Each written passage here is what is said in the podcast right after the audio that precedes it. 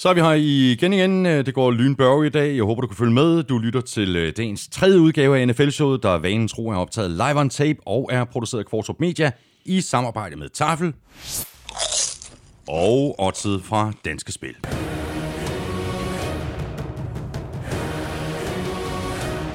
Vi har overstået øh, AFC-konferencen, så nu handler det om uh, øh, NFC, og derudover så er der selvfølgelig uh, friske spiltip fra Elming, som du kan bruge på oddset. Der er endnu en uh, omgang dækquiz fra Armstrong og ugen spiller for Tafel. Og så er det nu i slutningen af den her udsendelse, at vi skal have sat vores picks til første spilrunde. Du finder os stort set alle de steder, du kan hente podcasts. Derudover så kan du lytte på gulklud.dk og selvfølgelig på nflsød.dk, hvor der også ligger et link til tier.dk, hvor du kan støtte os med et valgfrit beløb, hver gang vi uploader en ny episode. Det er der allerede 274 af vores allerbedste venner, der gør, og tusind tak til hver og en af jer. Og tak fordi du downloader og lytter og bruger lidt af din tid sammen med os. Jeg hedder Thomas Kvartrup, og her kommer endnu en gang min medvært.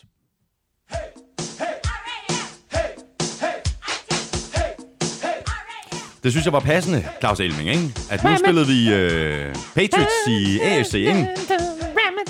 Og så Rams her i, jo, NFC. det er i hvert fald en gentagelse af Super Bowl, kan man sige. Præcis, det var det, ja. jeg tænkte. Ja. Og øh, vi har lige fået lidt øh, frokost. Ja, det var dejligt. I nogle øh, robotsmadder med lidt... Øh, Knust lidt chips. Nej, det er det, vi skal have dessert jo. Ja, Ikke? jeg, vi kan har... ikke, jeg kan ikke spise flere chips. Jo, come on. Ved du hvad, det, jeg, jeg, jeg kender navnet på en øh, chipsbrus, som hvis vi åbner, så kan du ikke holde øh, nallerne væk. Nej, det gør vi ikke. Chili cheese wings. Altså prøv at, vi, har, vi har været igennem en uh, taffelpose her, der hedder tortilla chips, nacho cheese. Der, Ja. ja. der, der, Og der, en der, er nærmest, der er nærmest ikke flere linse chips. Nej, hvor har vi de der... Og, og, Ej, ej, ej, super vi- slags, den skal vi, vi i hvert fald ikke åbne nu. Det bliver, Nå. ej, det bliver for voldsomt. Øh, men uh, chili cheese wings. Så får du to. Var bum. Ej, hvor er det lækkert. Det bliver stort. Jeg, Ja, det er et hårdt, hårdt jeg- arbejde, men nogen jeg skal jo gøre det. inde i min tynde periode.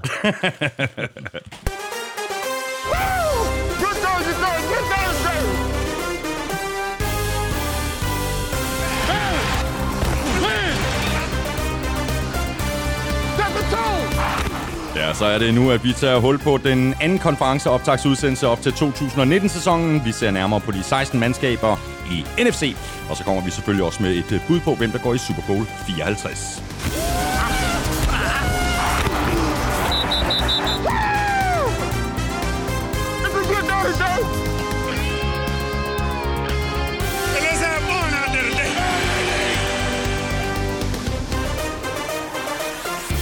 Den er god nok. Fodbold er tilbage, og det hele det begynder natten til fredag med et brag af en kamp mellem de gamle rivaler, Bears og Packers. Vi glæder os. Det gør du garanteret også. Jeg hedder Thomas Kvartrup, og med mig har jeg Danmarks svar på John Madden, Claus Elming. Give me one now. Give me one. Give me one. De er gode, de der chili cheese wings, ikke? Jeg stillede dem over til dig, fordi jeg var i gang. Jeg var i gang. Godt, vi hopper i quizzerne. Vi skal have quizzen. Åh, oh. Det er tid til quiz. Quiz, quiz, quiz, quiz. Jamen, øh, vi fortsætter lidt øh, med det historiske perspektiv her på tasken til øh, NFL's sæson nummer 100. Så øh, det øh, kort og langt, det er et spørgsmål, der hedder, godt nok så er sæson, øh, godt nok så er NFL eksisteret i 100 år, men Super Bowl har jo kun eksisteret i 53. Mm-hmm. Hvad er det ældste mandskab, der aldrig har vundet en Super Bowl? Oh. Mm, okay, interessant. Um, Så der er et par stykker at vælge imellem. ja, det er der. Can't do it. Det bliver, jeg bliver nødt til at trykke på den, ikke? Ja. Uanset hvad. Du øh, får her øh, det quiz øh, nummer to fra Søren Armstrong øh, i dag. Lyder sådan her. Brady råbte, og Belichick kaldte ind i truppen med vores gode ven Hjalte. God bedring fra Dick-quizens mester. Fodbold med Froholt venter til næste år. What? Mester næste år. Næste, når næste år. Mest, ah, okay, mest, ja. næste år. Ah, Armstrong! Og han skriver det selv. En våd sommer gør rimene rustne. Preseason quizzer er decideret gustne. Derfor er jeg nødt til at rime på Browns. Hvilke fem kastede sidste år flest touchdowns? Åh, oh, nej, det var fint. Ja, sluttede fint af. Ja, ja. Han Øh, kan, han kan godt Armstrong. Hvilke fem øh, quarterbacks kastede sidste år flest touchdowns? Det er korrekt. Det er quarterbacks, der er tale om. Det er, det er dejligt. Det, vi lukker godt lige at få det præciseret. Det, det er fordi, ja. Det. Jamen, øh, fint. Øh, du kan i hvert fald nummer et, ikke? jeg kan en. Du kan i hvert fald nummer et. Det er Mogens. ja, præcis. Det er, der, der skal man lige lytte til den her podcast, der var øh, omkring AFC, så man vide, hvem Mogens er. Godt, jamen øh, vi vender tilbage til quizzerne i slutningen af udsendelsen. Nu hopper vi nemlig øh, direkte i gennemgangen af NFC, og vi gør det ligesom øh, vi gjorde med øh, AFC-podcasten. Vi øh, peger styrker og svagheder ud på hvert hold, og vi lægger ud med NFC East og Eagles. Øh, og lad os nu bare håbe, at øh, den gode gamle Carsten øh, Wentz øh, kan holde sig skadesfri. De har ikke længere Foles øh, til at redde kastanjerne ud af ilden. Stærkt hold, deres D-line ser forrygende ud. Det gør deres øh, offensive linje mildt sagt også. Altså vel i virkeligheden den, den stærkeste offensive linje, også hvis man ser på bredden. Altså rigtig, rigtig mange hold Ja, de har er meget problemer brede. med... De, de er meget brede. De er virkelig brede. De måske 12 meter eller sådan noget, hvis du stiller mig ved siden af hinanden. Åh, oh, ja, Ja. det er sjovt. Ja, det er godt. Ja, det er godt. Jamen, du ved, der, der, der er hold, der lige akkurat kan skrabe en, en, en Ja. nogenlunde OK offensiv linje sammen, og så snart Ja. der, der er skader, ikke, så har de balladen. Ikke? Men altså, her har vi altså et hold, som, øh, som kan hente erstatning. Ikke? Ja, og det har vi jo. Altså, de fem starter er jo virkelig solide, alle fem, og, og de to tackles øh, er jo måske nok den bedste tackle-duo, der overhovedet er øh, i NFL, i, i form af, af, hvad hedder det, øh, Jason Peters og, øh, hvad hedder han, øh, Lane, hvad fanden hedder Lane? Johnson. Lane Johnson. Jeg bliver ved med at glemme, det er utroligt, jeg bliver med at glemme. Det er fordi, jeg vil have ham til at hedde Lane Kiffin. Nå ja, Altså, det, det er lidt noget andet. så er? Monty Kiffins søn, Ja, ja, ja, ja. Ikke? Altså, men nej, Lane Johnson, ja. Og så øh, midt, i midten selvfølgelig med center Jason Kelce. Mm, mm. Øh, så tre vigtige brikker der. Deres guards er også fine, og så har de jo draftet øh, i år Andre Dillard, øh, som jo vel nok på sigt skal groomes til at overtage for Jason Peters, men som du siger, så en, en god bredde. Det her, det er i min optik den, den bedste offensive line, der er i NFL, og også en af grundene til, at de vandt Super Bowl for to år siden. Mm. Kan du, øh, kan du se sådan nogle oplagte svagheder? Jeg synes godt nok, de ser stærke ud i De har ikke øh, nogen deciderede svagheder. Det her det er et meget, meget flot bygget mandskab. Det er bygget over nogle sæsoner via draften og via free agency, og øh, de er bare rigtig solide hele vejen rundt. Øh, hvis man skulle kigge på noget, så kunne de mås- måske godt være stærkere besat på receiver, faktisk. Det er ikke sådan, altså... Ja, jo, Alshon Jeffrey, Nelson Aguilar med flere og så videre, ikke? Altså, men, men jeg kunne godt se dem være stærkere besat på receiver, mm. og ellers så på forsvaret, der vil jeg sige, der har de en, en linebacker-trio, sådan lidt som jeg vil ikke kalde dem no-names, men det er ikke rigtig nogen, der, der, der, der, sådan skræmmer øh, folk. Men de har fået den her tilføjelse med øh, Zach Brown fra Redskins, mm, mm. Øh, og med ham i midten der, så er det jo svært at sige, at det her det er ikke også er en stærk enhed. Så ja. der er ikke mange svagheder på det her Nej, Så videre til uh, Cowboys, som jeg har til at blive uh, toer i divisionen. Uh, de kan også udfordre Eagles, men, men jeg har dem lige en my lavere alligevel. Ikke mindst fordi jeg ikke er helt sikker på, hvordan Dak kommer til at gøre det, hvordan han kommer til at se ud. Altså han har, han har Zeke, måske, mm. og så har han Amari Cooper. Vi jo hjælp ham... Øh, i, i meget høj grad, da han kom til klubben øh, sidste år, og øh, så, øh, som jeg tror også, vi har været inde på øh, tidligere, da jeg kan ikke huske, hvilken en af, af de to andre udsendelser, vi har lavet, så ser den offensive linje også øh, ud til at være stærk. Ser ud til at være rigtig stærk, og det er ikke mindst jo, fordi de har fået Travis Frederick tilbage på, øh, på centerpositionen, og så har de Zach Martin ved siden af ham på højre side, og så har de øh, Tyron Smith på, på venstre tackle, og de tre er jo, øh, ligesom de tre hos Eagles, jo tre af de mest formidable spillere på deres position, øh, og så følger de fint ud på, på, de, på de to resterende øh, positioner på den offensive linje, men det her, det er bare en offensiv linje, som giver quarterbacken tid og skaber huller for running backen, uanset hvem den running back måtte være. Men jeg vil da sige, at, at jeg sådan, hvis jeg, hvis jeg sådan skal, skal kigge på en svaghed, så er det, så er det måske øh, ikke så meget Dak Prescott og hans spil, men det er mere, altså, hvor er de hen med ham, ikke? Altså, øh, en eller anden kontraktforhandling, hvor han øh, nægter at tage imod 30 millioner dollars, og siger, at han vil have 40. 40 og sådan noget, ikke? Altså, det er sådan helt, du ved, altså, jeg tænker, der, der er nogle der er nogle ting uden for banen, som måske spiller ind øh, mm, mm. i hans præstationer på banen. Og så har vi jo lovet os selv, at vi skal ikke tale om skader øh, i de her øh, shows, fordi så går det ud over alle mandskaber, øh, hvis vi begynder at spekulere i skader. Men jeg vil bare sige, hvis, det, hvis Dak han går ned, så er der intet bag der- ved nej, ham. er der ikke. De har ingenting bag ved Dak Prescott, så han skal beskyttes, men heldigvis så har de altså den her offensive linje foran ham øh, til, til at hjælpe ham. Giants, øh, det ser ikke så forfærdeligt godt ud. Altså, de gik, øh, de 5 og 11 øh, sidste år. Jeg tror ikke, de bliver øh, bedre i år. Øh, hvad har, har de på wide receiver? Øh, Eli synger på sidste vers. De har Saquon Barkley. Øh, det er selvfølgelig en, en, en styrke. Øh, derudover, så, så synes jeg godt nok, der er mange huller i suppen. Ja, det synes jeg også. Og jeg tror, øh, altså, der, der mangler på alle positioner, mangler der en eller flere spillere. Jeg vil sige, at den offensive linje begynder faktisk at tage form. De har investeret noget tid og energi og draft picks og free agency penge i den offensive linje, og det, det betyder faktisk, at den begynder at tage form. Mm. Og det synes jeg, det er vigtigt i henhold til fremtiden, der hedder Saquon Barkley og Daniel Jones. Så øh, lad os se, hvad der, hvad der, hvad der sker med den, øh, fordi det er klart, at, at øh, vi har talt om det mange gange, og vi bliver med at tale om det. Det er fundamentet for god offensiv fodbold, det er, at du har den her offensiv linje. Men øh, sådan, hvis vi kigger på deciderede svagheder, så vil jeg sige, at øh, de har det, altså, de kunne godt være, igen vil jeg sige, det her et mandskab, der godt kunne være stærkere besat på wide receiver. Ikke? Altså, de har mistet Odell Beckham Jr., så har de Sterling Shepard, og så ellers et par no-names, og så har de selvfølgelig uh, Evan Ingram, uh, som jo er, er position er tight end, men egentlig uh, er en receiver. Uh, og så tror jeg, at jeg vil betragte det svageste punkt på det her mandskab, uh, det er nok deres linebacker-trio, uh, som, uh, nu skal de, uh, hvad hedder det, uh, ja, uh, altså de spiller, eller linebacker-kvartet bliver det ikke, de spiller en 3-4. 3-4, ja. Øh, så hvis jeg lige nævner de her fire navne for dig, ikke? Kareem Martin, Alec Ogletree, Tay Davis og Lorenzo Carter. ja Alec Ogletree kender man. Ja, præcis. Ikke? Og ham er der endda mange, som, som synes er elendig. Mm. Øh, så det er, jo ikke en, det er jo ikke en kvartet, hvor det er sådan, at man siger, okay, det er, det, det er virkelig, virkelig dygtige spillere, det her. Så det, der, der, der er i hvert fald plads til forbedring der. Mm. Washington Redskins, øh, umiddelbart svært ved at se deres styrker, sådan øh, lige umiddelbart. Øh, ingen Alex Smith, øh, de har så fået øh, Case Keenum. Øh, øh, han har mildt sagt ikke det samme arbejde med, som da han var hos, øh, hos dine øh, Vikings, øh, og, og jo egentlig gjorde det rigtig fint den sæson. Redskins havde en god første runde i draften, da de valgte øh, edge rusher Montez Sweat og øh, quarterback øh, Dwayne Haskins. Men øh, jeg tror ikke, det bliver nogen god sæson for Redskins.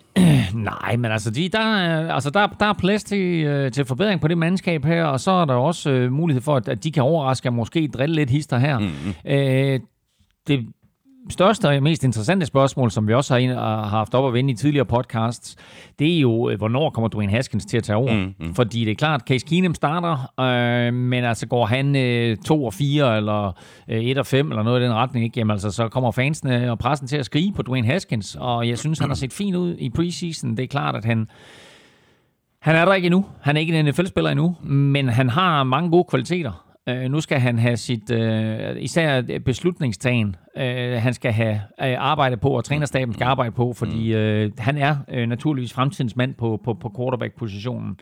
Øh, det hjælper dem ikke, øh, synes jeg, at de på receiver er forholdsvis dårligt besat. Josh Doxson slog ikke til. Han øh, er blevet sendt på porten, altså siden øh, blevet samlet op af Minnesota Vikings.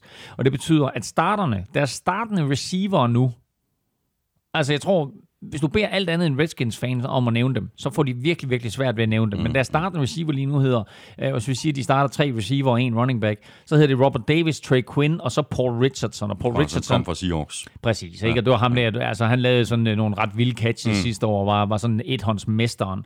Så han skal nok få sine catches, men det er ikke en receivergruppe, som gør hverken Dwayne Haskins eller Case Keenum bedre, og slet ikke noget, eller det Case Keenum havde at lege med, da han mm. var i Minnesota. Mm.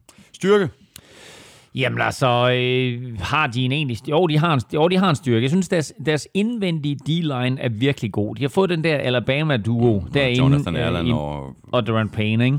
Ja. Øhm, de, det er begge to gode spillere. De kommer begge to fra et college, der, der er god til at lave defensive linemen. Uh, Alabama uh, er bare sådan traditionelt et hold, der skaber mange college-spillere, og de har altså to år i træk hævet de her to Alabama-drenge ind. Mm. Uh, Jonathan Allen uh, er uh, stor og stærk. Uh, Darren Payne er også stor, men lidt lavere i det, sådan lidt mere en Aaron Donald-type. Mm. Så de har sådan en god kombination der, lidt af det uh, LA Rams faktisk stiller op med. Så, så jeg vil sige, den indvendige del af den defensive linje der, er i hvert fald gode byggesten, de, de er unge begge to. Jeg tror, de er 24, 23 og 24 eller 24 og 25. Mm. Jeg har Eagles til at vinde øh, foran Cowboys, øh, og så Giants og Redskins. Jeg ved ikke, øh, om du er enig. Øh, jeg har øh, på den her, øh, der har jeg øh, Philadelphia Eagles øverst. Cowboys, Giants, Redskins. Var det fuldstændig som dig? Fu- fuldstændig som Sådan der. Så øh, hopper vi videre til øh, NFC North, øh, hvor øh, Vikings skuffede fæl sidste år. Det tror jeg så ikke, at de gør i år. Jeg tror, øh, at de vinder en meget tæt og meget stærk division øh, lige foran Bears og Packers. Mm.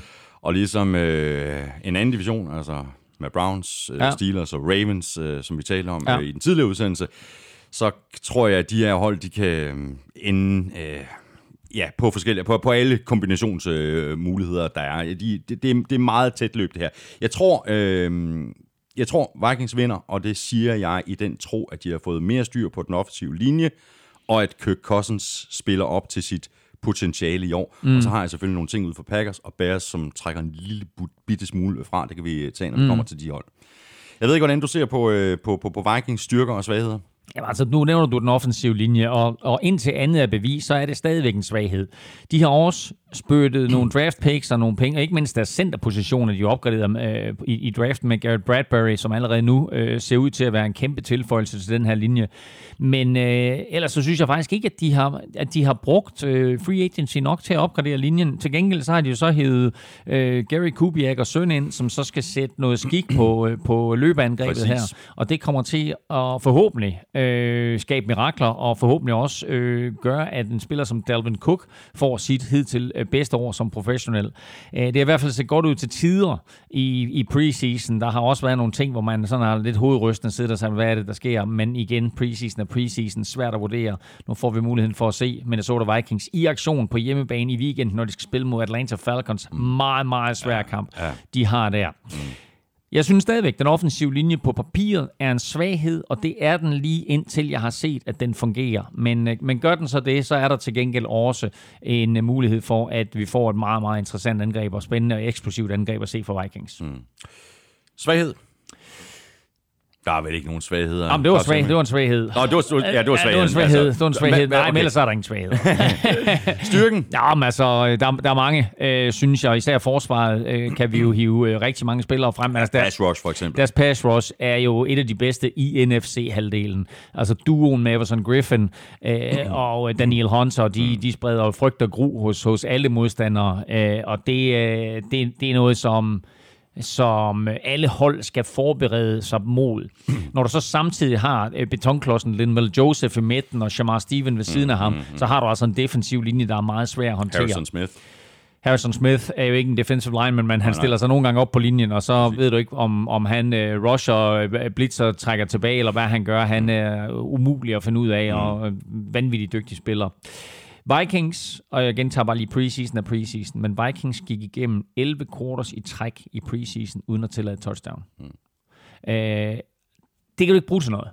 Mm, andet end at du måske som forsvar får og tanker en masse selvslid af det. Mm. Men øh, det viser bare, at øh, et er starterne rigtig solid, men faktisk så er øh, bredden på det her Vikings defense rigtig, rigtig fin. Mm. Bears har jeg som to i divisionen. Øh, forsvaret er fuldstændig vildt. Øh, Fangio er væk, øh, og det tror jeg kommer til at gøre mere ondt på Bears, end, end mange måske lige regner med.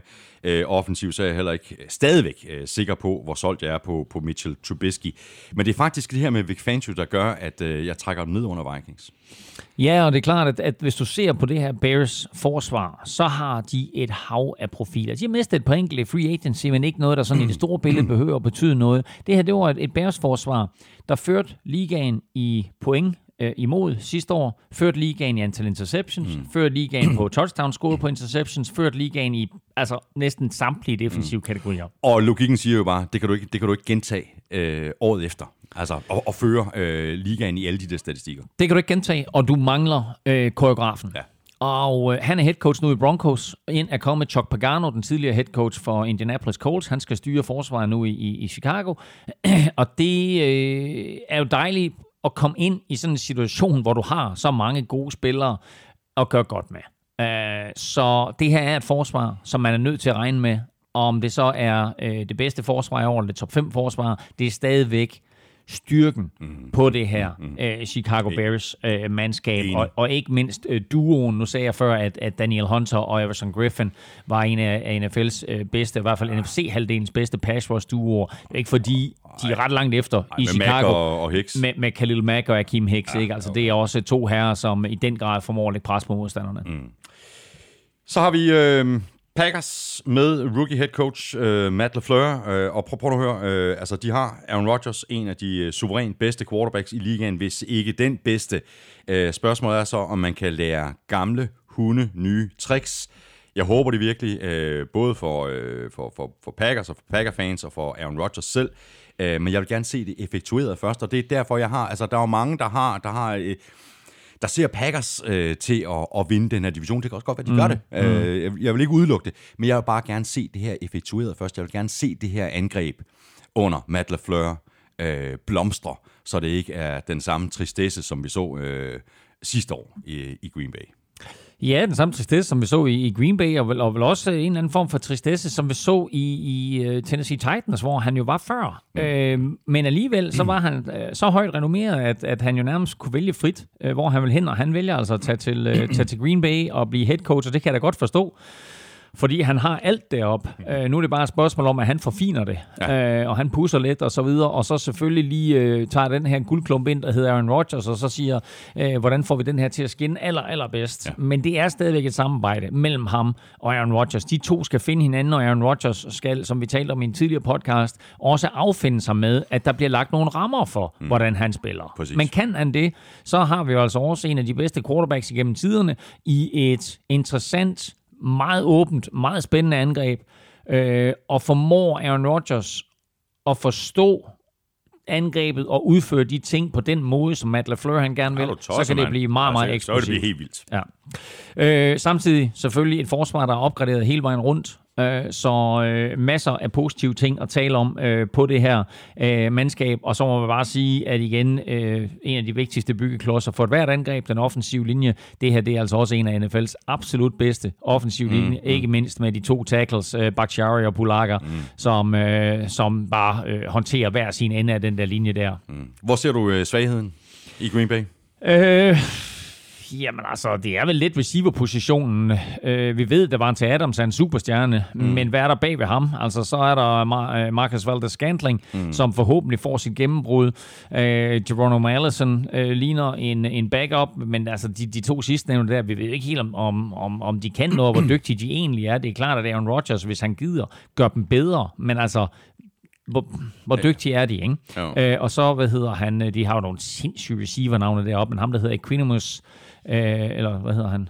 Ja, det er ham der, som man bare forkorter med Brown, ikke? Ja, præcis. Med, med, med, St. Brown, ja, ja. Han er blevet smidt på IR, så han er i hvert fald ude mm. i de første otte uger af sæsonen. Så jeg synes lidt receiver-positionen halter. Vi mangler også at se lidt fra Jimmy Graham, øh, som kom til, ikke? Mm. Altså superstjernen fra Saints, som øh, falder lidt af på den i Seattle, og så kommer til, til Green Bay, og vi har alle sammen regnet med, så nu er han sammen med Aaron Rodgers, nu bliver det stort. Og vi ser det også sporadiske plays hister her, hvor, hvor han er god, Jimmy Graham, men han skal vise mere, og mm. han skal vise, at han er det våben, som han var for Drew Brees i Saints. Mm.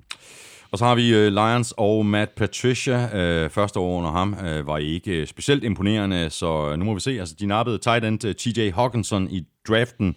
Han bliver rigtig god. Jeg tror bare ikke, at Lions fans de skal forvente, at han brager igennem sådan i sit første år. Det er der ikke ret mange tight ends, der gør. Det er faktisk en, en, til en lidt kompliceret position at, at lære i, i NFL.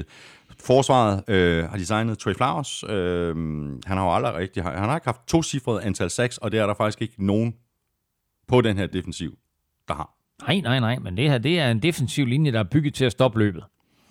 Ja, det er godt. Der er kun et problem. Ja. Det er, at der er ikke nogen, der løber længere. Mm. Så, men det er en virkelig, virkelig god linje mod løbet. Det er nok den største og tungeste linje og bedste linje overhovedet i NFL imod løbet. Men du har ikke nogen, der kan rushe quarterbacken. Og det er generelt deres svaghed, det synes jeg faktisk, det er deres passforsvar. Du har ikke nogen, der decideret er superstjerner til at rushe quarterbacken.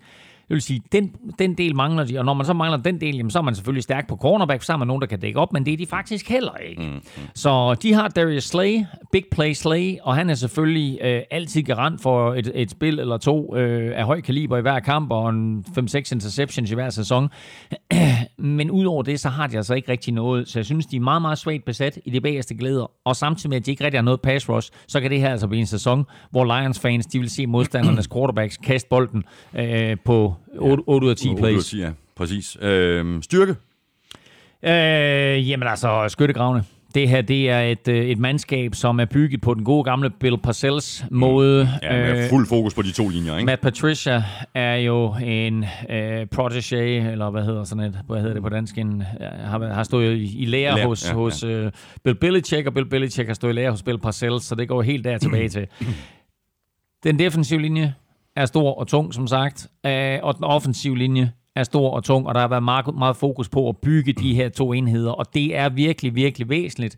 Nu skal de så bare sørge for, at alle brækkerne omkring det bliver sat på i løbet af mm. de næste par år. Men det er styrker, det er, at de er så stærke både på den defensive front og offensive front. Men de er altså i en uh, svær division. Uh, jeg har altså, som sagt, Vikings til at vinde uh, foran Bears og Packers, og så helt nede i bunden har jeg uh, Lions. Uh, jeg ved ikke, hvad du siger til det. Uh, Jamen, hvordan, jeg har ser, været, hvordan ser din top 3 ud? Jamen altså, jeg overvejer lidt at, at smide Packers øverst, ikke fordi jeg har talt så højt om Packers, men jeg bløder lilla, så jeg var nødt til at smide øh, de lilla helte øverst, så derfor så Minnesota Vikings på toppen, foran Packers, med Bears på tredjepladsen, Okay. og Lions på fjerdepladsen. okay, så vi har byttet Packers og Bears rundt. Ja, men det er mere altså... Uh, Ej, det, altså, det kan også blive den, både en dreng og en pige, den division her, den kan ende... Ja. Med hvad som helst, ja. ikke? Det eneste, vi ved, det er, Ja, lidt, Lions lidt, lidt... vinder den ikke. Lions vinder ikke.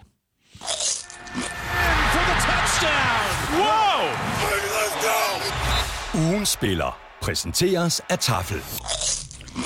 Og med det er vi øh, nået halvvejs gennem øh, NFC, og det betyder, at vi er fremme ved dagens øh, anden ugens spillerkonkurrence. Vi smed øh, den her på Twitter fredag morgen, mener jeg det var.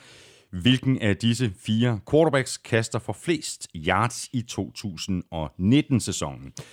De øh, nominerede var Mahomes, altså Mahomes, Ja.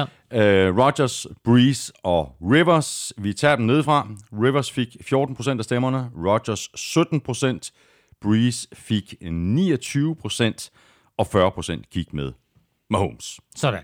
Og så fortalte jeg jo i den forrige podcast, at øh, man kunne spille på, at Deshaun Watson rent faktisk slår alle de fire her, og det gav odds 40 på odds for danske Ja, spil. det er et, øh, et vildt odds. Øh, Claus, du kender proceduren. Vi skal have fundet endnu en vinder af en masse tafelchips, Ja. og det er jo dig, der er lykkens ind, Ja, men jeg har allerede hånden dybt nede i sækken, som man siger.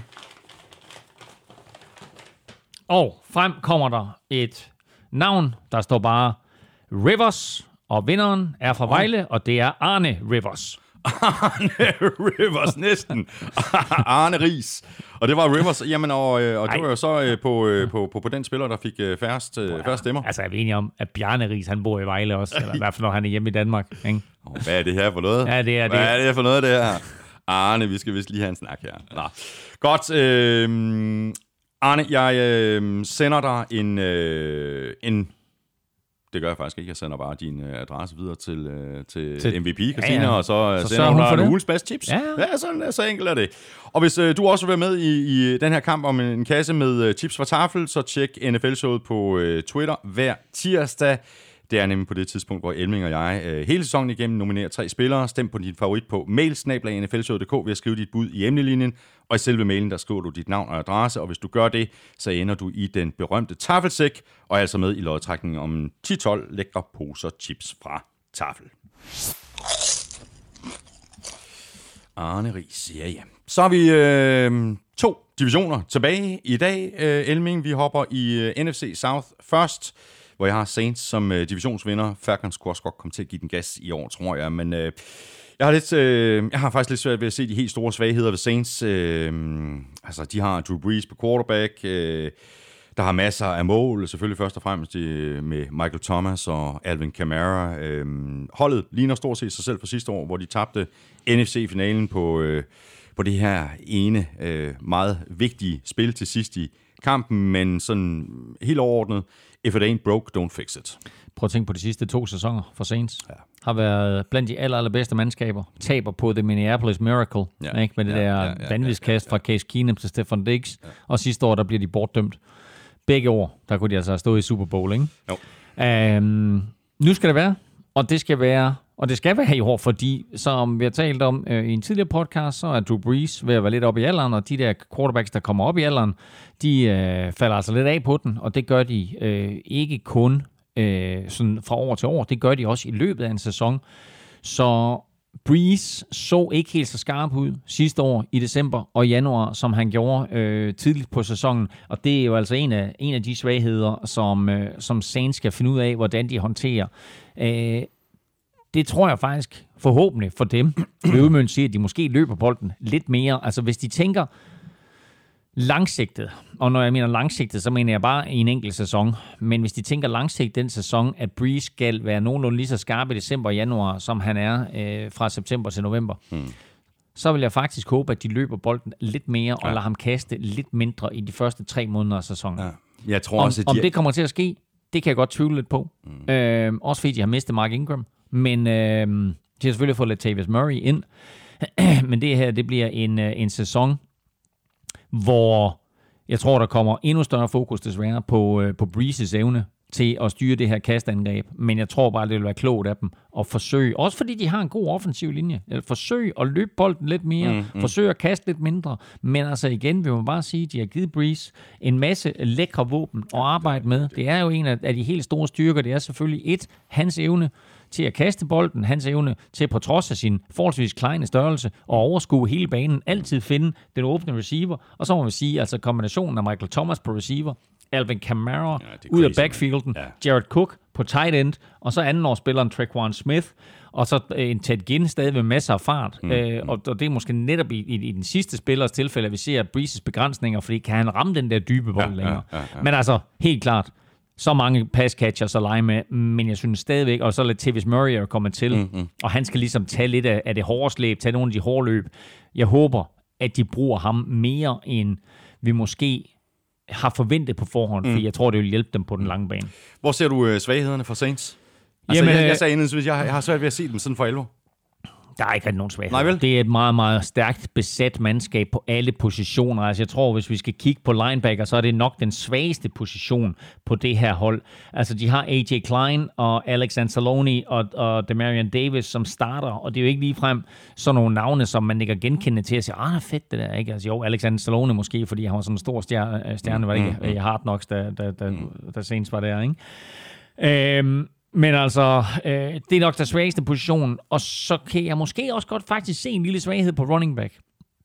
Jeg mister Mark Ingram, og Alvin Kamara er ikke stor nok til at håndtere øh, alt det arbejde, som Mark Ingram fik sidste år. Det er også derfor, de hedder Latavius Murray ind. Men jeg håber bare, som jeg sagde før, jeg håber, at Latavius Murray kan tage en hel del af de der tunge løb, tage lidt af presset af Drew Brees, og også tage lidt af presset af Alvin Kamara. Mm. Så har jeg øh, Falcons som øh, toer i divisionen. Jeg tror, de kommer godt igen oven på en, øh, en lidt skuffende sæson sidste år. Øh, de kommer faktisk til at spille rigtig, rigtig mange dome-kampe. Ja. Øh, vi kan ikke jeg helt, tror, det er 13 eller 14. Ja, jeg tror, det er 13. Ja, 13, 13 kampe. 13, 13 ud af 16, det er vildt, ikke? Indendørs. Øh, og så kan man bare sige, at uh, Matt Ryan i hvert fald ikke skal brokse over mangel på, ta- på talent på, på receiverposten. Nej, nej, altså det her det er jo en division med rigtig, rigtig mange dygtige receiver. Altså når vi taler alle fire mandskaber her i NFC ja, South. Ja. Jeg tror, hvis du, hvis du kigger på en division, med de fleste bedste receiver, så er det NFC South. Altså det er jo helt vanvittigt, hvad der løber rundt af, af gode receiver her. Øh, og ikke mindst jo i Atlanta Falcons, hvor man må sige, at de jo nok har den bedste trio af receiver, noget hold kan mønstre i NFL, med Julio Jones, Mohamed Sanu mm. og Calvin Ridley.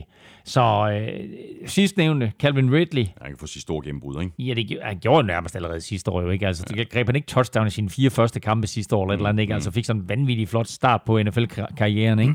Han kommer til at tage endnu flere plays fra Mohamed Sanu. Jeg er faktisk i tvivl om, ikke han kommer til at starte sammen med Julio Jones, og så er det Mohamed Sanu, som mm. sådan øh, bliver tredje receiveren. Mm. Øh, men det er, det er en god trio. Og så har de lige Austin Hooper også på, mm, på tight end og så videre, ikke? Ja. Så, øh, og Devonta Freeman kan også godt gribe bolden, så der er nok af våben for Matt Ryan og Lyman. Mm.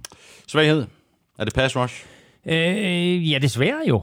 Desværre, fordi altså, de har brugt to første runde picks på Vic Beasley og Tag McKinley. Mm. Øh, og de to, de skal simpelthen øh, bare blive bedre. Altså Falcons var kun ud af NFL's 32 hold, der var Falcons jo kun 22 øh, sidste år med, med 37-6, og det er altså ikke godt nok, når du har brugt to første runde picks på, på pass rush.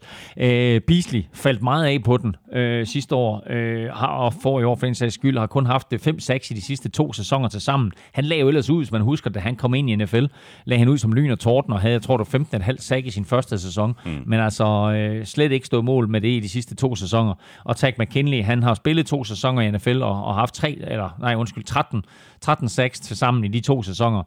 Øh, og det er ikke godt nok. Så, så deres pass rush skal blive bedre, og især i en division, hvor du har en Drew Brees, og du har en Cam Newton, og hvad du ellers kommer ja, til at, ja, at møde i NFC ja. i, i løbet af sæsonen. Han skal også lige, eller de skal også lige spille imod Aaron Rodgers, ikke? og de skal op imod Kirk Cousins osv. Der er, der er flere andre dygtige quarterbacks, de skal op imod pass rush er væsentligt, og det har ikke været godt nok for, øh, for, for Atlanta. Mm. Så kan jeg ikke lige finde ud af, af Panthers. Jeg har været helt nede på dem, og her den seneste uges tid, eller sådan noget, der bliver jeg mere og mere lun på dem. Jeg har dem stadigvæk uh, som træer i divisionen, men det er altså fordi, det er Saints og Falcons. Det er ikke fordi, at jeg synes, at uh, Panthers de ser dårlige ud. Øh, mit største spørgsmålstegn, det er øh, Cam Newton. Øh, kan de passe på ham? Kan mm. han passe på sig selv, ikke mindst? Mm, mm. Men udover det, så synes jeg, altså, så vælter det jo med talent. Altså både på, på, på forsvaret og på angrebet, ikke? Prøv at høre, det her mandskab, det er, altså, man kan ikke tillade sig at sige, at de flår under radaren, fordi selvfølgelig er folk opmærksomme på Carolina Panthers. Men når du taler NFC South, så starter du med at tale om Saints. Og så kan det være, at du ved, at nogen taler om Falcons, andre taler om, om, om Panthers, men kigger man sådan generelt på NFC, jamen, altså, så er det ikke et, et hold, man sådan lige nævner, men jeg synes, de er super stærkt besat. Spørgsmålstegn er, som du siger, quarterback Cam Newton. Vi var jo faktisk på et tidspunkt derhen, at vi frygtede, at han ikke spillede i 2019. Ja. Og nu skulle han angiveligt være helt klar. Uh, han har set godt ud her uh, i, i træningslejren, uh, og han har nogle uh, vidunderlige våben at lege med. Mm. Så uh, angrebet skal nok være der. De har fået konstrueret en rigtig, rigtig dygtig offensiv linje til ham. Mm. Uh, og så uh, må vi sige, at uh, hvis vi kigger på forsvaret, så er det jo også en enorm, øh, enorm øh, velbesat forsvar. Altså op foran har de nogle store, tunge drenge, og så øh, har de jo en, en linebacker-trio, som selvfølgelig er, er styret af Luke Kuechly, øh, men hvor han jo også har, øh, hvor også har en Shaq Thompson, og så har de øh, bragt en uh, Bruce Irvin ind, øh, sagt farvel til Thomas Davis godt nok, som mm, selvfølgelig er en stor leder i omklædningsrummet, de mister, men bare så mange dygtige spillere på begge sider af bolden for, øh, for det her Panthers-mandskab. Har du mere til, til Panthers? Øh, vi har vel... Øh vi har vel både, både rundet styrker og svagheder, har vi ikke? Jo, altså svagheder, altså nu nævnte vi lige deres linebackers, og deres, deres, deres front seven i det hele taget er gode. Ikke? De har måske mistet lidt for mange spillere igennem årene på, i de bagerste glæder. Så hvis de har en svaghed, så er det måske øh, cornerbacks og safeties, øh, hvor de måske godt kunne være opgraderet. Men mm. altså, jeg glæder mig. Der er vel nærmest kun en, øh, en profil tilbage, det er Eric Reed, ikke? Jo, jo, men han er til gengæld også øh, en, en, en, en interessant profil på mange måder. Ja, det er han. Øh, men jeg glæder mig meget til at se Carolina, og man kan jo faktisk se Carolina Panthers spille mod Tampa Bay Buccaneers øh, på øh, den nye stadion i Tottenham i, øh, tror det er anden uge i oktober. Mm. Er der stadigvæk øh, billetter? Der er billetter til den kamp. Så er det inde på Google og så kan man, øh, Præcis, så kan man finde under, link under, under rejser. Så der er stadigvæk billetter til både de der fire London-kampe, og så til øh, NFL-turene til USA også. Opfordringen hermed øh, sendt videre, øh, og du nævnte jo lige øh, Box, og det er dem, vi skal tale om øh, nu som det sidste hold i den her øh, division i South. Øh, ny head coach i Bruce Arians, hvilket jeg ser som en klar øh, styrke, eller i hvert fald en forbedring. Øh, ligesom hos Titans øh, og Marcus Mariota, så har vi her en quarterback, øh, som jeg stadig synes, der er store spørgsmålstegn ved. Vi må se, hvad Arians kan gøre for, for øh, James Winston. Mm. Øh, Uh, han har kvalitetsspillere kastet til Mike Evans, Chris Godwin, O.J. Howard. Jamen, ja, det, altså, but, I want, but I want to see it before I believe it. Ja. Uh, og så skal han lade være med at kaste så mange interceptions. Jamen, han skal det hele tiden lade være med at lave så mange fejl. Det er jo ikke kun interceptions, han fumbler også bolden alt for meget. Ja. Men nu nævnte vi det her med, at NFC South er fyldt med, med dygtige receiver, ikke? Uh, og her ikke, der har du uh, Mike Evans, som jo er en af NFL's absolut bedste receiver. Uh, han bliver så parret med Chris Godwin, som mange uh, forudser for en, en rigtig stor sæson. Ja. Og så har du den her tight end, O.J. Howard, som jo bare er, er en af uh, prototypen på de her nye store. Og det, der skete øh, uden for, øh, hvad man ikke kan se her, det var, at Thomas han lige stak hånden ned i chili cheese wings posen og det, ansigt, og det ansigtsudtryk, han kom med bagefter, det viste alt. Det er en forrygende chip, hvis man kan tillade sig at kalde det. Nå, anyway, det var et sidespring. Mike Evans, forrygende. Chris Godwin, forrygende. O.J. Howard, en af de her nye, fantastiske tight ends. Øh, så god våben for James Winston at lege med da Mariota og James Winston de kom ind i ligaen, der var jeg mest solgt på Mariota. Det er ved at vende sig om nu. Jeg tror på, øh, jeg tror ikke, jeg, jeg, jeg, jeg vil ikke udtrykke på den måde, at jeg tror på James Winston, men jeg tror mere på James Winston, end jeg gør på Marcus Mariota, og jeg håber, at Bruce Arians, han kan så få sat noget ja, skik ja. på den her unge quarterback. Ja, det må man øh, krydse fingre for, fordi det her, det er et øh, prove-it år for, for, for begge de her to øh, quarterbacks. Øhm, hvad siger du til svaghed? Ja, men altså, at de havde jo et elendigt forsvar sidste år. Altså virkelig, virkelig elendigt. Et af NFL's øh, absolut dårligste, jeg tror, øh, øh, var det ikke lige ved, at de tillod flest point nogensinde i NFL's historie? Altså det var sådan helt vanvittigt, hvad de tillod af point. Derfor, vigtigt, fokus, øh, i offseason her på forsvaret. De er blevet opgraderet både i free agency og draften. Øh, ikke mindst øh, fordi de hævde øh, Devin White. Devin White ind. Ja. Øh, to Devins, der kom ind. Devin Bush til, øh, til, til Steelers og Devin White til Buccaneers her. Mm. Han er hævet ind til middle linebacker, og selvom han ikke har helt trukket de samme overskrifter endnu, som, øh, som Devin Bush har i Pittsburgh, så øh, glæder jeg til at se ham, fordi jeg tror øh, faktisk, at han omgående bliver en stjerne på det mandskab her, og hurtigt kommer til at få kaptajnrollen. Øh, så masser af fokus har der været de sidste to sæsoner på at gøre de forreste geleder stærkere. De bagerste geleder, de halter lidt. De har Vernon Hargreaves på, øh, på cornerback. Resten det er altså kun nogle so-so-spillere. Så øh, nu må vi se, hvad der sker, fordi de har jo også her haft fokus på at opgradere øh, cornerback og safety-position. De brugte ikke mindre end tre høje draft picks i år på at gøre den enhed bedre. De brugte øh, et andet runde pick og to tredje runde picks på nogle spillere, øh, som skal se banen i år, som skal forbedre sig, og som skal hjælpe den her enhed på den lange bane. Saints har jeg øh, til at vinde divisionen foran Falcons, Panthers og Bucks. Øh, hvordan ser du øh, divisionen? Jamen, øh, må jeg bede om terning? altså, så er det mellem de tre første, du vil, øh, Ja, ja, du, altså, vil slå om, ikke? Jo, Altså, jo, jo. Vi er enige om, at Bucks øh, ender sidst, ikke? Box ender sidst, og så vil jeg sige, at ligesom i NFC North, så er det fuldstændig umuligt at forudsige, hvordan det er de her tre de kommer til at klare sig. Ja, men du skal sige det. Øhm, ja, Jeg har Saints, Falcons, Panthers. ja, men jeg siger, at Falcons vinder divisionen, og det er måske en fejl. Men jeg siger, at Falcons vinder divisionen, og det gør de foran Panthers og med Saints på tredje plads. Wow, man, har du Saints helt som tre? Jamen okay, men altså, de går jo, de går jo alle sammen ind. Nej, øh, det altså, kommer ikke til at ske, men altså... Øh, prøv her, det, det her det bliver en crazy division. De kommer til at slå hinanden på kryds og Ja, det tværs. gør Øh, og øh, nu skal vi ikke tale om skader, øh, eller den ramme, men, men jeg tror faktisk, det kan blive afgørende for den her division, det er, hvem, Gør hvem, kan holde, hvem kan holde sig skadesfri. Ja, ja. Så er vi nået til øh, NFC Vest, øh, som jeg har øh, lidt overraskende for, for, for, for de fleste Cardinals til vinde. Nej, jeg har Rams til at vinde øh, og, øh, og, og ligesom øh, sidste år, der vil jeg pege på øh, Sean McVay og Wade Phillips som en af de helt store styrker. Og ja, og så har vi selvfølgelig Aaron Donald, men det siger sig selv. Men altså, du har den her ja. head coach og, og, og, og for- den gamle, den gamle Wade Phillips, den gamle ja. defensive koordinator, som, øh, Ja. som Sean McVay var, var smart nok til at, Jamen, at trække med ind. Altså, han har lavet mange geniale ting i den korte tid, han har været head coach Sean McVay, men at hive Wade Phillips ind til at styre det her angreb her, det er noget af det mest undervurderede og brillante. han, Nej, også angrebet. Også angrebet. Nej, og det er der mange, der ikke ved. Nej, undskyld. Wade Phillips til at styre forsvaret, det er noget af det mest geniale og brillante, han overhovedet har foretaget sig. Øh, fordi øh, han har en enorm karisma og nyder en enorm respekt i omklædningsrummet.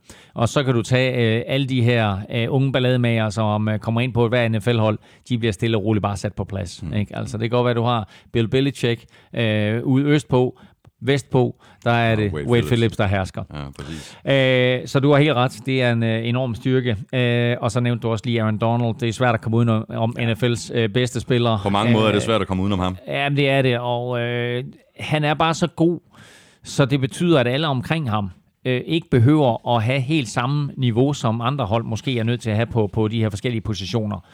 Der er fokus på, fra alle mandskaber, der møder Rams i sæsonen, fokus på, hvordan stopper vi Aaron Donald? Vi ved, vi kan ikke gøre det en mod en. Vi gør det måske to mod en. De fleste tidspunkter skal det være tre mod en. Og så kan du bare øh, lave matematikken. Hvis der er to mand på Aaron Donald, jamen så mangler der en mand et eller andet sted. Er der tre mand på Aaron Donald, så mangler der to mand. Mm. Så det betyder bare, at det er lidt nemmere at bygge et forsvar op. Men det er også det, der skal være fokus på fra, øh, fra, fra Rams, fordi jeg synes, at de mangler nogle profiler. De mister en Dommer Kansu. Øh, så de, de skal have fokus på at få skabt et lidt mere slagkraftigt forsvar øh, i de her kommende to-tre sæsoner. Men er det svagheden? Det er vel ikke svagheden for, for, for Rams det her i år? Jamen, det ved jeg, jo, jeg synes jo, jeg synes jo, at deres forsvar er lidt en svaghed, jeg skal. Men altså, de, de spillede, synes jeg, også over evne sidste år. Øhm, og øh, jeg, altså, jeg, jeg ved det ikke. Altså, jeg har lidt svært ved at se, at Rams, de har den samme succes i år, som de havde sidste år. Mm.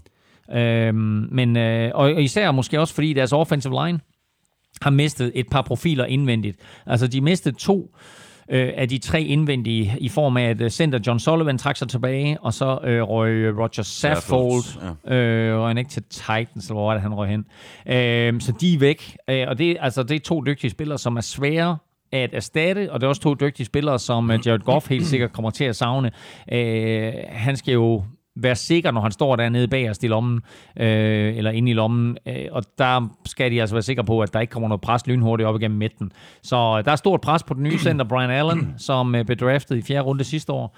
Øh, kan han styre tropperne, og kan han give Jared Goff den der sikkerhed der? Så jeg synes, det er, det er det er en umiddelbar svaghed, øh, og så må jeg sige, det der forsvar der. Jeg er lidt, jeg er lidt en lille smule bekymret for det forsvar. Mm. Og så har jeg lidt øh, på fornemmelsen af Dule Brogter, når jeg nu siger, at jeg har øh, Niners som øh, to i divisionen foran Seahawks. Øh, og det kan godt være, at jeg har drukket for meget øh, Kool-Aid, det gør jeg hvert år. Øh, men jeg tror faktisk, at den her øh, markant opgraderede front seven kan blive en af de giftigste i ligaen, og så har jeg så meget fidus til Kyle Shanahans offensiv play calling, at jeg kan leve med den usikkerhed, øh, der er i forhold til, hvad det er for en version af Jimmy Garoppolo, vi får at se. Og jeg tror, at Fort Niners, altså den første halvdel af sæsonen, det tror jeg faktisk ikke bliver specielt, øh, specielt kønt.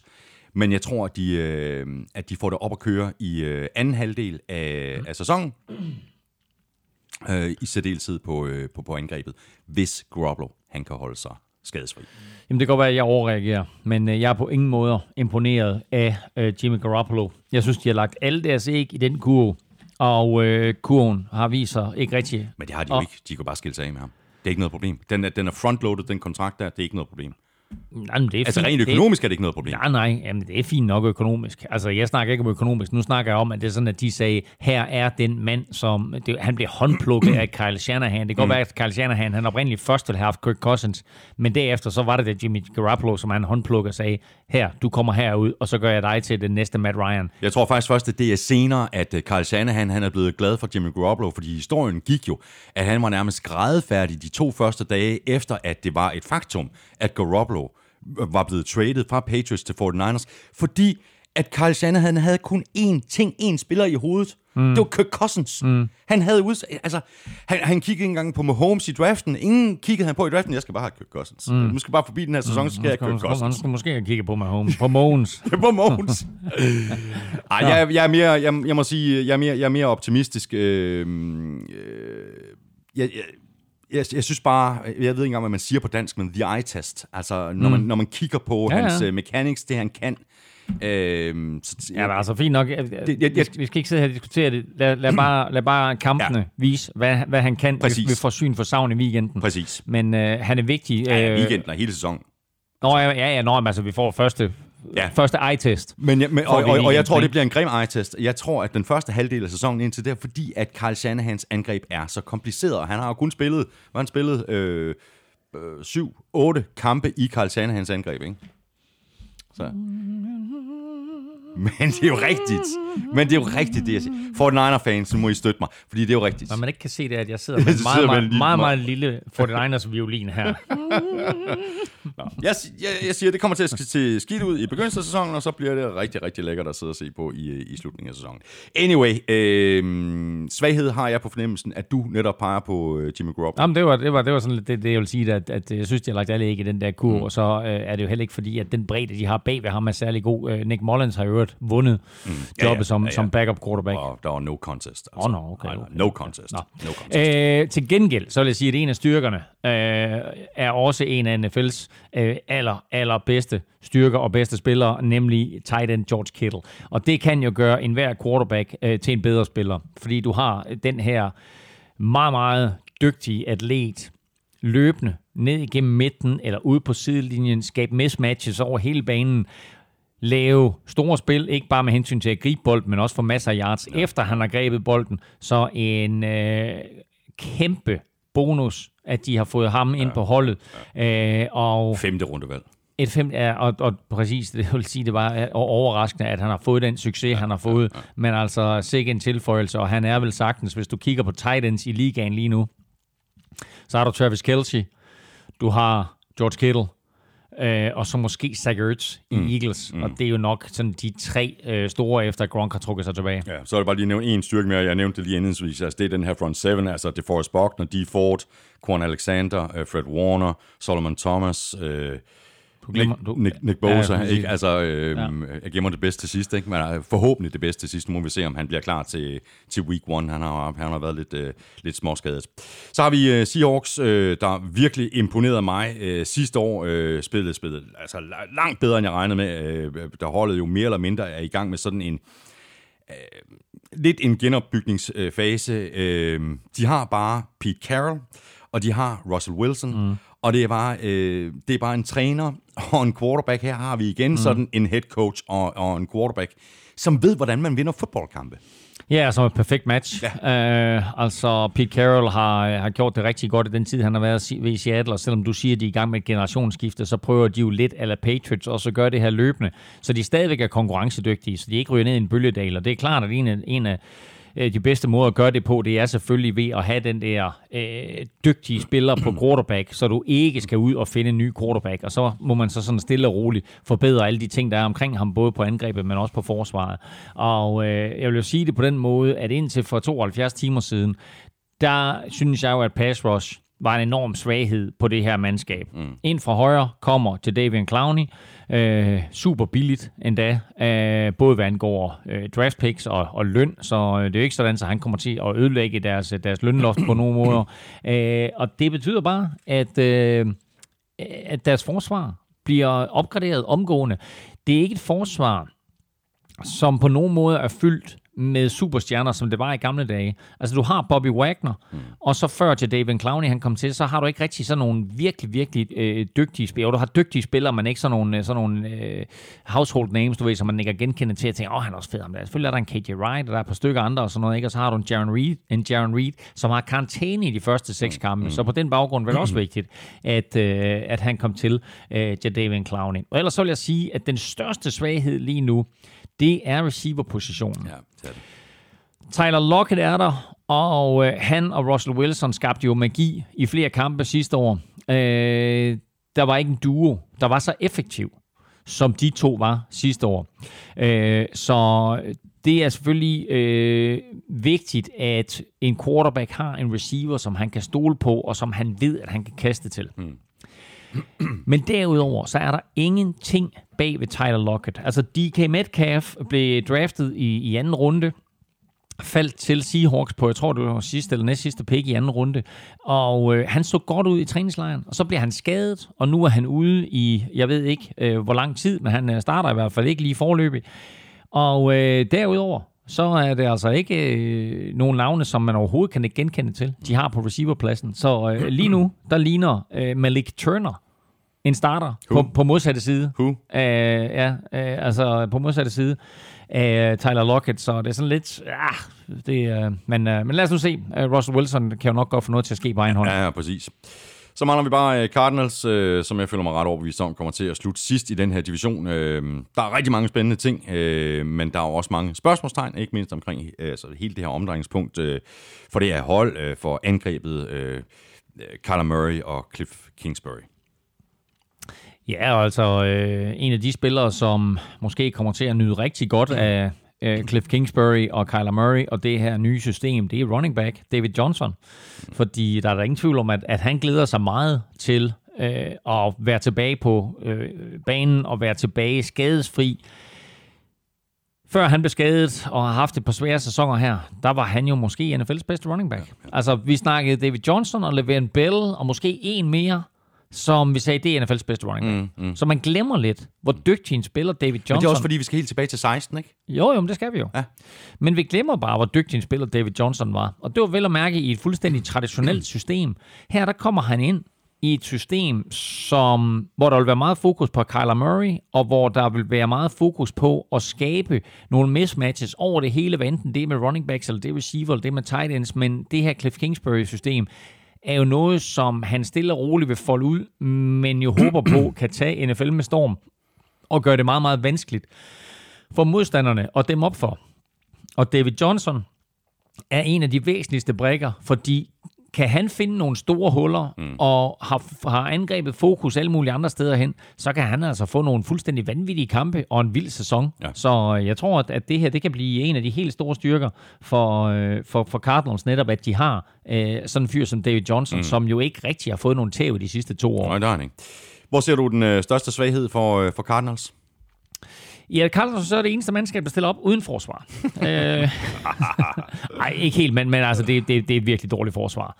Øh, de har Ej, selvfølgelig... de mangler Patrick Peterson i, Peterson i de første seks kampe, ikke? De mangler Patrick Peterson i de første seks kampe. Cornerbacken på den modsatte side er også væk. Øh, defensive backs i det hele taget er en mangelvare mm. øh, i Arizona. Så øh, de har fået øh, Falcons cornerback Robert Orford øh, ind, og øh, han ligner lige nu en starter her i de, i de første øh, mange kampe. Øh, men ellers så er det altså et, øh, et forsvar, som i den grad mangler profiler. De har selvfølgelig en øh, Chandler Jones, de har en Hassan Reddick, der er et par andre unge drenge, men ellers så har de mistet, nærmest hvert år i de sidste tre eller fire år, har de mistet en superstjerne på forsvaret, hvis ikke flere. Ja. Og det kan mærkes nu. Mm. Jeg har Rams til at vinde divisionen foran 49ers, Seahawks og Cardinals. Øhm, jeg har på fornemmelsen, at du er enig med mig i Rams, og så siger du Seahawks, 49ers og Cardinals. Øh, ja, jeg tror slet ikke, øh, jeg tror, jeg tror 49ers får en svær sæson, og det kan godt være, jeg håber for, for dit vedkommende, jeg håber øh, for stemningen her i, i studiet i forbindelse med NFL-showet, at 49ers gør det rigtig godt. Men jeg har Rams foran Seahawks, og så med 49ers og Cardinals. Sådan der. Jamen, øh, så er vi igennem øh, NFC. Uh, hvem er din favorit til at gå i Super Bowl fra, fra NFC, altså de her 16 hold? Hvordan, hvordan ser du NFC-finalen? Jamen, øh, jeg har faktisk en... Øh... Ja, må jeg sige det først så? Ja. Hvad jeg har, fordi jeg tror, ja. du, du startede med AFC, og oh, der, var ja. vi jo, der var vi jo fuldstændig enige ja. om holdene. Ja. Og vi var faktisk også enige om, hvem det var, der skulle øh, ja. gå videre til, til Super Bowl. Jeg har øh, min NFC-finale øh, ser sådan ud, at det er Saints Eagles. Min NFC-finale hedder Falcons Eagles. Okay. Ja. Og jeg har Saints øh, til at tage revanche. Så Saints går i Super Bowl? Ja. Okay. Jamen, øh, jeg det er har... Drew Brees' øh, sidste shot. Ja, det er rigtigt. Øh, jeg, er, altså, jeg tror meget på Eagles i år, så jeg har Eagles til at gå i Super Bowl, og dermed så hedder min Super Bowl jo altså Philadelphia Eagles mod Kansas City Chiefs. Ja, jeg har øh, Saints mod, øh, mod Chiefs. Og du har så Saints mod Chiefs. Ja, men jeg, altså, jeg tror også på, at Eagles, Eagles ser simpelthen så, øh, så stinke god ud, altså. Jamen, øh, lad mig lige, fordi... Som det er jeg, så også derfor, jeg har dem til at nå, nå, nå ja. helt i NFC-finalen, ikke? Som jeg lige husker det, så har øh, oddset for danske spil faktisk et 2019 odds på, at... Nej, det var Patriots mod Saints. Patriots mod Saints i Super Bowl, det giver odds 20,19. Det er ikke helt umuligt. Nej, det er da overhovedet ikke umuligt. Overhovedet ikke umuligt. Så det er, er også værd at smide noget mønt på. Præcis. Jamen, øh, og hvem er din øh, favorit til at vælge først i, øh, i, i næste års draft fra, fra NFC-halvdelen? Øh, det er faktisk Cardinals. Ja, øh, jeg har dem til, øh, altså umiddelbart til 2 og 14. Det kommer nok til, de kommer nok til at vinde flere kampe end to, men jeg har dem som, øh, som det eneste hold med færre end tre, kampe, mm. med færre end tre sejre. Mm, jeg har også Cardinals, øh, og så har jeg et par outsider-kandidater, der kunne hedde Redskins og Bucks. Ja, Uh, jeg har også Lions dernede. Ja. Skal vi uh, lige høre din uh, top 3, Claus, uh, på dit uh, momentometer, altså din top 3 fra, fra NFC. AFC har vi jo uh, ja. har vi overstået. Ja, men allerøverst uh, på nummer 1, der har vi Philadelphia Eagles, og uh, så på tredjepladsen, og altså det næstbedste NFC-mandskab, det er New Orleans Saints, og så på femtepladsen, der er det det tredje bedste NFC-mandskab, og det er Los Angeles Rams. Og hvis du vil se uh, hele Elmings momentometer, så ligger det inde på uh, gulklud.dk. Det er kommet op, ikke? Det er op, og Sådan der. ja, det Godt. er det preseason momentometer, og så kommer det uh, hver onsdag igennem sæsonen. Hvor det bliver uh, opdateret løbende. Det er lækkerier. Vi skal have quizzen! Åh. Oh. Det er tid til quiz, quiz, quiz, quiz, quiz.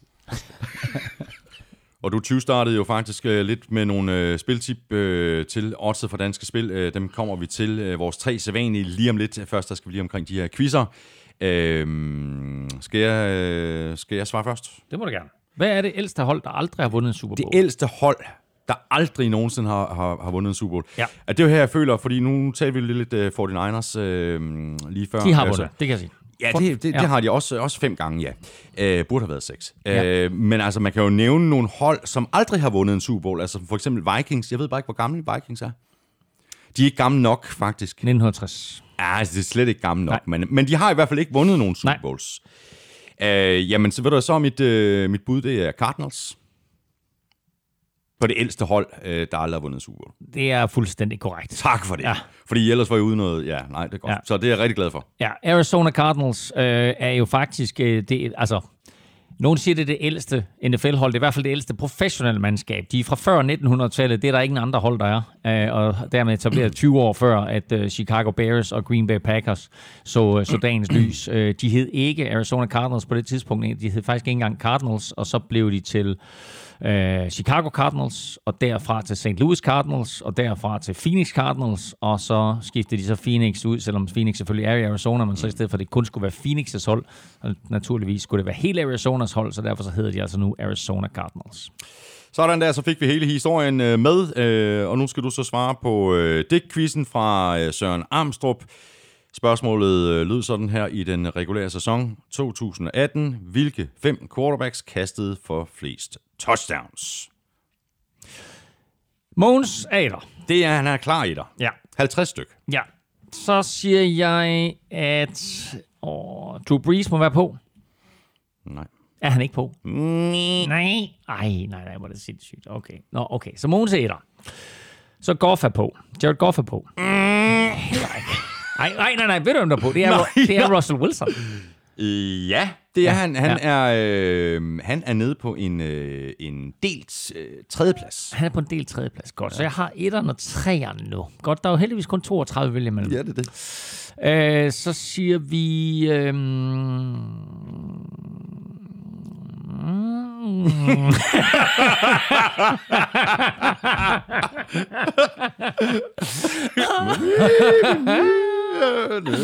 Ej, hvor er det pinligt, hvor er det pinligt, det er så pinligt. Så siger vi... Nå, det var nok ikke Kirk Cousins, vel? Nej, ham kan du udelukke. Ja. Kan jeg? Ja. Okay, godt. Uha, uha. Uh, okay, så Måns og Rust. Ej, hvor er det pinligt, det her. Ej, det er så, det er så langt ud, det her. Big Ben. Ja, han er den øh, sidste på listen. Okay, han, er, han var på. Okay, så Big Ben var på. Så nu har vi altså Russell Wilson, han Ja. ja. kastede 35, Ja. ja. Roethlisberger kastede 34, Ja. ja. og Mogens kastede 50. Ja. Så mangler vi øh, toeren og så den delt øh, tredjeplads. Det er altså Matt, over nu. Matt, Matt Ryan. Ja, Ja. ja, sådan der. Han har også kastet øh, 35, ligesom, øh, ligesom Russell Wilson. Okay. Så nu mangler vi altså den quarterback, der kastede næst flest touchdowns sidste år. Ja. Kurt Warner. øh, den quarterback, der kastede næstflest touchdown sidste år. Nu skal jeg nu gennemgå lige divisionerne. Okay, øh, det er ikke AFC East. AFC South. Okay, no, sorry. Okay, okay, okay, okay, okay. Ja, Thomas faldt i søvn. Okay. Det er pinligt. Giv mig ham. Hvem er det? Det er en, øh, det er en spiller, vi desværre ikke øh, får så meget mere at se til. Men så skulle han da i hvert fald fortryde. Ka- Kaster Gronk så mange touchdowns? Og den har du ikke held med, den her, var? En, en quarterback, der har trukket sig tilbage Ja. sidste år. ja. Efter sidste Nej, år. Ja. ja. Han har lige trukket sig tilbage. Åh, oh, nej, nej, nej, nej, nej, nej. Okay, nå, det er meget sjovt. Andrew Luck? Det er da overhovedet ikke sjovt, at han har trukket sig tilbage. Men det synes jeg er Nej, mærkeligt, noget at sidde og jamen, mor sig over. Jamen, jamen, ved du, hvad, det er sindssygt, det er jo, jeg sidder og gennemgår alle de her quarterbacks ind i hovedet. Jeg sidder og, ki- og tænker på, hvem er quarterback for de forskellige hold. Hmm. Det popper slet ikke ind i hovedet på mig, at han ikke er der længere. Men, øh, men det er han selvfølgelig ikke. Okay, og, han, og, han, og, han, og han var han, toer. Han var toer. Han kastede, øh, han kastede 39 touchdowns Ja, ja, sidste år. ja, det burde jeg vide, for han var på op til flere af mine fantasyhold. Så, nå, sådan.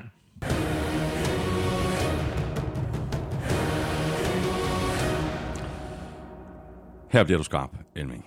Tre skarpe spiltip til oddset fra Danske Spil. Money in the Bank, ugens bedste bet og ugens overraskelse. Hit it. Ja, men Money in the Bank, vi fortsætter øh, min salgstale for, at øh, Philadelphia Eagles er NFL's bedste mandskab, og det får vi at se på lørdag eller søndag, er det selvfølgelig, når de øh, hjemme møder øh, Washington Redskins. Der er odds 1,23 på, at Philadelphia Eagles vinder. Det er ikke øh, et voldsomt odds, men Nej, det er Money in the Bank. Det er Money in the Bank. Ugens bedste bet, øh, det skal vi et smut til Cardinals. Øh, to af øh, de hold, som jeg har i bunden af mine divisioner, nemlig Cardinals og Lions, de mødes. Øh, men jeg tror ikke, at Cardinals de kan vinde den her kamp, selvom de er på hjemmebane. Jeg tror, Lions øh, de kommer, og de øh, vinder opgøret i øh, Arizona. Og jeg tror også, at de vinder med mere end fire. Hvis Lions kan vinde den kamp med mere end fire point, så er der odds 240 igen. Det er et rigtig godt odds. Jeg synes, det er et virkelig, virkelig godt odds. Ja, det er det. Og det er ugens bedste bet i NFC-halvdelen. Så mangler vi bare øh, ugens overraskelse. Ja, og der skal vi et smut til Minnesota, fordi øh, jeg kunne godt se Atlanta Falcons tage til Minnesota og besejre Minnesota Vikings, og det er der odds 72 for. Og det er også rigtig, rigtig godt odds. Og det, jamen, det er jo kæft, det er et brav en kamp, ikke? Det- og der er i det- hele taget øh, rigtig mange kampe, som man kan se frem til allerede her i, øh, i spilrunde. Ja, et, men ikke? vi kommer til dem lige om lidt, og der er så mange fede kampe.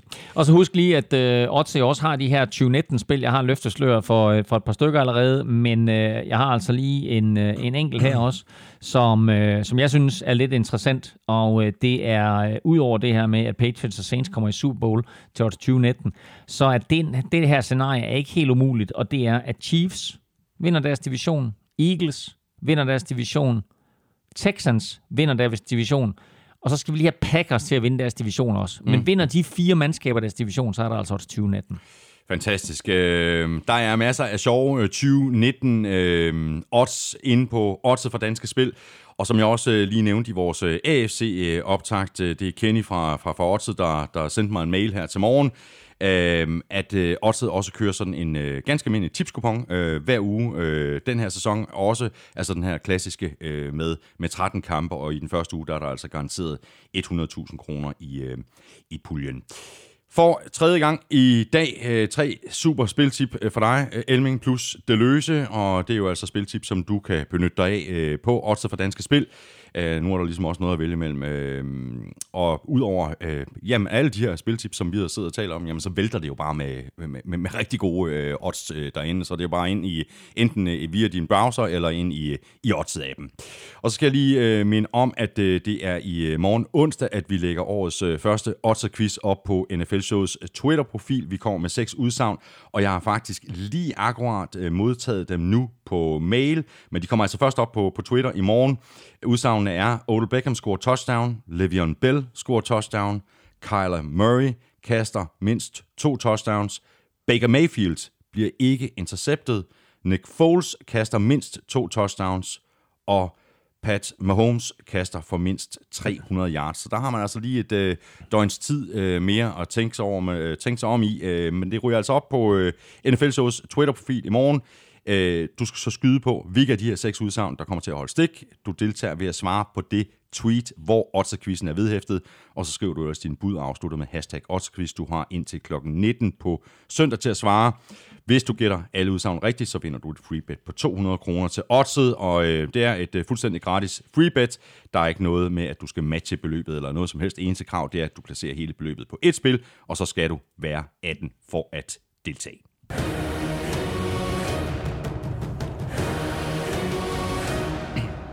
Nu bliver det spændende, fordi det har det jo ikke været før. Nu skal vi have sat vores øh, picks til øh, første spilrunde. Øh, den begynder som bekendt natten til fredag, når Bears og Packers sparker løjerne i gang i Chicago. Lukas Willumsen han er med os igen i år med alle de her vanvittige statistikker, han har på lager, og han har efterhånden noget at arbejde med. Øh, og Lukas skriver sådan her, øh, sidste sæson endte inklusiv playoffs med en sejr til Thomas på 173-172, og det betyder, at Thomas fører 3-1 samlet. Tak for det, Lukas, for du lige minder os alle sammen om det. Det eneste år, Claus har vundet, var i 2016. Hvis Claus skal gentage den bedrift, så er det med at komme ud over stepperne. Thomas har nemlig vundet første runde i picks i alle NFL-shows tidligere sæsoner. Særligt fokus bør Claus måske lægge på to kampe. For det første, så har han endnu ikke prøvet at ramme rigtigt i Titans åbningskamp, men endnu mere imponerende er det, at vi skal helt tilbage til den 11. september 2016 for at finde sidste gang, hvor Claus ramte udfaldet af divisionsopgøret mellem Cowboys og Giants. Og det var altså 11. september 2016. Siden da er Claus 0 og 5 i dette opgør. Det var en ægte 9-11 jo. Ja, og der er der også øh, lidt håb for den gode Elming, fordi øh, Thomas har fire år i træk misset divisionsopgøret mellem Jets og Bills, når kampen bliver spillet hos Jets. Og så har Claus faktisk på imponerende vis ramt rigtigt i 49ers seneste 13 udkampe. Hold da kæft. Men du har bare sagt, de taber, de taber, de taber, de taber. det er jo snyd. Det.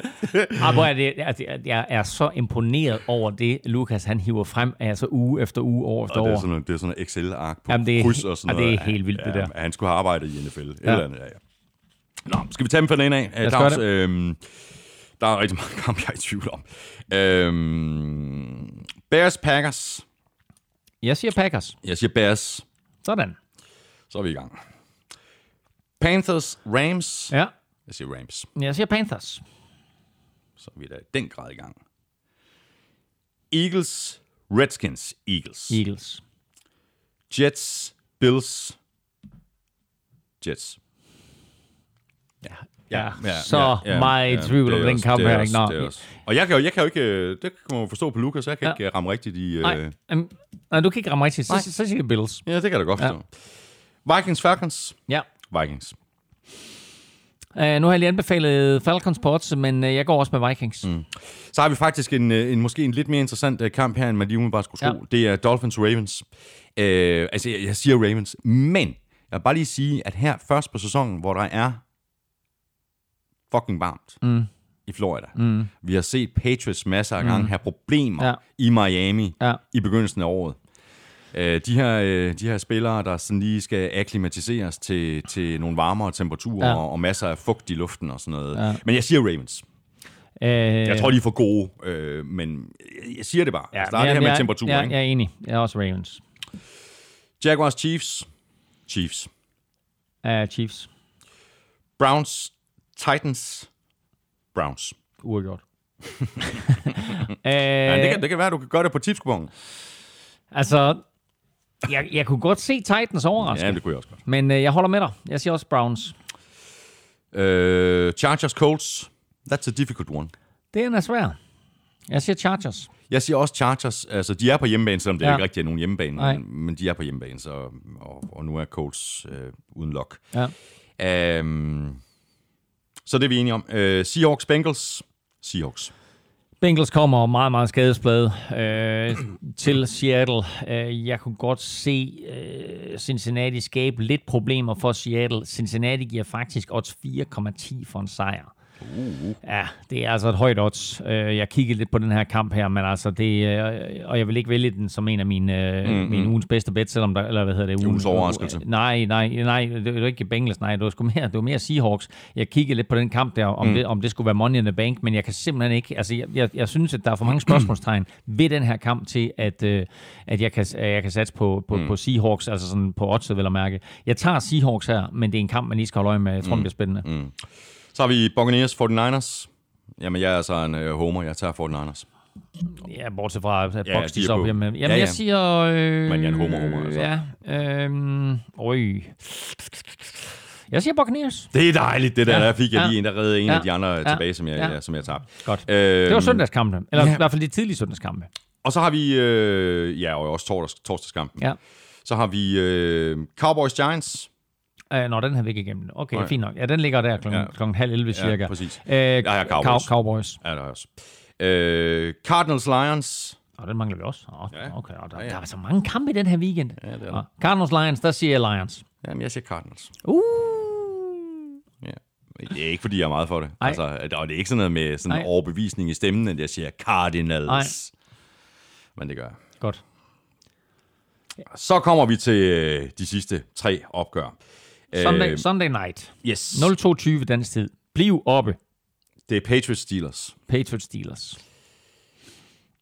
Jamen, jeg har, vi, vi, vi talte om det tidligere. Jeg, jeg kan også sagtens ja. se Steelers øh, tage op på Gillette og overraske. Men jeg siger, jeg siger Patriots. Og, Og, og jeg har set det her med, at de kommer øh, sådan lidt halsjosken ja. ud Patriots i begyndelsen af sæsonen, ikke? Alt logik siger, at man skal sige Patriots. Men jeg holder fast i mit spiltip fra AFC-podcasten og siger, Steelers vinder den her kamp til odds 2,95. Den er faktisk steget nu til 2,95. Okay, jamen øh, det er, det er et godt bud, og det er et godt odds, øh, så jeg vil slet ikke, jeg vil slet ikke udelukke det. Øh, To Monday Night-kampe. Ja, Saints Texans. Saints. Bob, den er svær. Ja, Saints. Den er svær. Jeg siger også Saints. Og så har vi øh, Raiders Broncos. Den er svær til gengæld. Uh, jeg siger Raiders. Jamen, jeg siger også Raiders. Og altså, Jamen, ja, ja, jamen, det tror jeg. Så der har vi det. hvordan er det blevet en uh, Monday Night kamp? Det er godt. Uh, sikkert fordi uh, Oakland, du ved, hjemmebane sidste kamp og sådan noget. Det er ikke? sådan noget. Det er sådan noget. Nå, ved du hvad, jeg glæder mig simpelthen så meget til, at øh, vi får noget rigtig fodbold at se. Nu er det bare til ned, og der er to dage, og så er det bare fedt. Tor, så er det fedt tor, de næste fem måneder. Torsdag Ikke? nat, eller fredag morgen, eller hvornår man nu får set den her Ja. Bears-Packers-kamp, ikke? Ja. så er sæsonen i gang. Så får vi de store stjerner at se, så får vi ægte fodbold at se. Præcis. Tak for det, Elming. Øh, Det har været en øh, kæmpe og en øh, lang fornøjelse. Øh, Stort tak også til vores gode venner og partnere. Oddset fra Danske Spil og Tafel. Støt dem, de støtter os. Det kan du også gøre, og du gør det på tier.dk. Du kan også stikke os en anmeldelse og nogle øh, stjerner, for eksempel i iTunes, og så skulle du tage at anbefale os til alle dine venner. Hvis de ikke allerede interesserer sig for amerikansk fodbold, så kan de komme til det. Følg os på øh, Twitter og på Facebook. Øh, der kan du komme til at stille spørgsmål, og det kan du også på øh, mail nflshowet.dk. Følg Elming på Twitter på snablag nflming. Hvis du ikke gør det i forvejen, jamen, så er det jo en øh, katastrofe og en skandale. Så bare, Katastrofe. det er en Skan- skandal. det er en skandale. Følg NFLming på snablag NFLming. Mig kan du følge på snablag Thomas Kvartrup. I morgen lægger vi den første odds op på NFL Shows Twitter-profil. Du kan vinde freebet på 200 kroner, hvis du rammer plet. Og husk så lige at tjekke NFL Showet på Twitter hver tirsdag, hvor vi nominerer tre spillere til ugens spillere. Tak for nu. Vi høres ved. Ha' en fantastisk sæson. NFL-showet er produceret af Kvartrup Media, der også producerer Born Unplugged, der handler om dansk politik. Det er den, jeg laver sammen med min fætter Henrik. Vi er tilbage på fredag. Hvis du er cykeltosset, så skulle du tage og lytte til Velropa-podcasten. Elming og jeg er tilbage igen på onsdag i næste uge med mere fodbold. Det er trods alt det vigtigste. Ha' det godt så længe. Hot hot.